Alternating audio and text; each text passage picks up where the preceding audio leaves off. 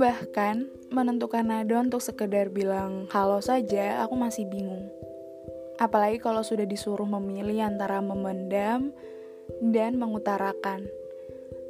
Permasalahan klasik yang untuk sebagian orang di bumi terkesan monoton. Itu-itu saja yang dibingungkan. Ia selain membingungkan mau kuliah di mana, ambil jurusan apa, dan jatuh cinta sama tipe manusia yang bagaimana. Episode pertama ini, sama seperti podcaster lain, aku juga mau memperkenalkan diri. Harapannya biar bisa kamu kenali. Ya, mungkin saja besok lusa atau tahun depan ketika tidak sengaja ketemu, kamu bisa menyapaku, memanggil namaku, atau kalau bisa mencintaiku barangkali. Tenang saja, aku cuma bercanda.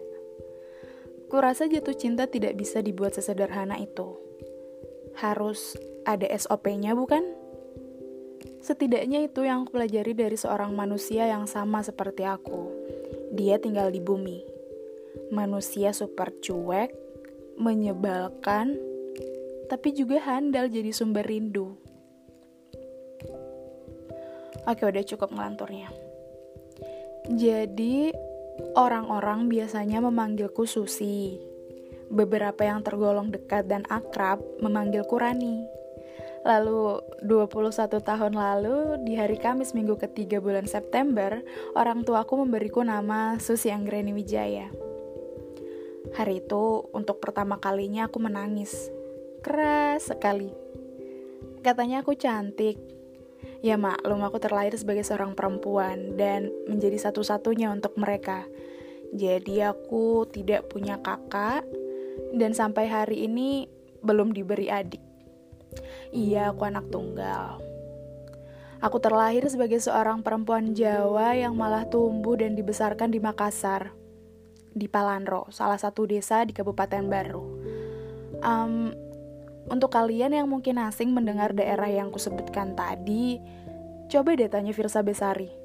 Dia pasti tahu, sebab katanya dulu cintanya pernah singgah di sana. Lalu singkat cerita, aku sekarang menjabat sebagai mahasiswi di salah satu perguruan tinggi di Jawa Tengah. Aku tercatat sebagai mahasiswi bandel di program studi pendidikan bahasa Inggris. Yang tiba-tiba sekarang sudah semester 7. Padahal kalau berangkat ke kampus, yang dikerjakan cuma berhahihi di koridor. Eh, hari ini udah dibuat pusing menentukan judul skripsi. Kadang hidup itu asik ya. Serasa belum sempat dinikmati tapi tahu-tahu yang dijalani udah hampir selesai. Ternyata hidup terlalu singkat. Bahkan untuk kamu lewatkan tanpa mencoba cintaku. Familiar kan dengan kata-kata barusan? Kalau iya, jadi kapan kamu setuju untuk aku cintai? Kapan kamu bisa sepakat untuk terikat? Dan kira-kira kapan kamu mau aku ajak makan soto di dekat lampu merah depan, depan kampus? Bareng aku. Nanti di sana aku ceritakan bagaimana hari-hari ku lewati. Beberapa di antaranya sibuk, menunggu pesan untuk kamu balas. Dan sebagian lagi ku lewati dengan senyum tipis, sebab sedang asik berbalas pesan denganmu.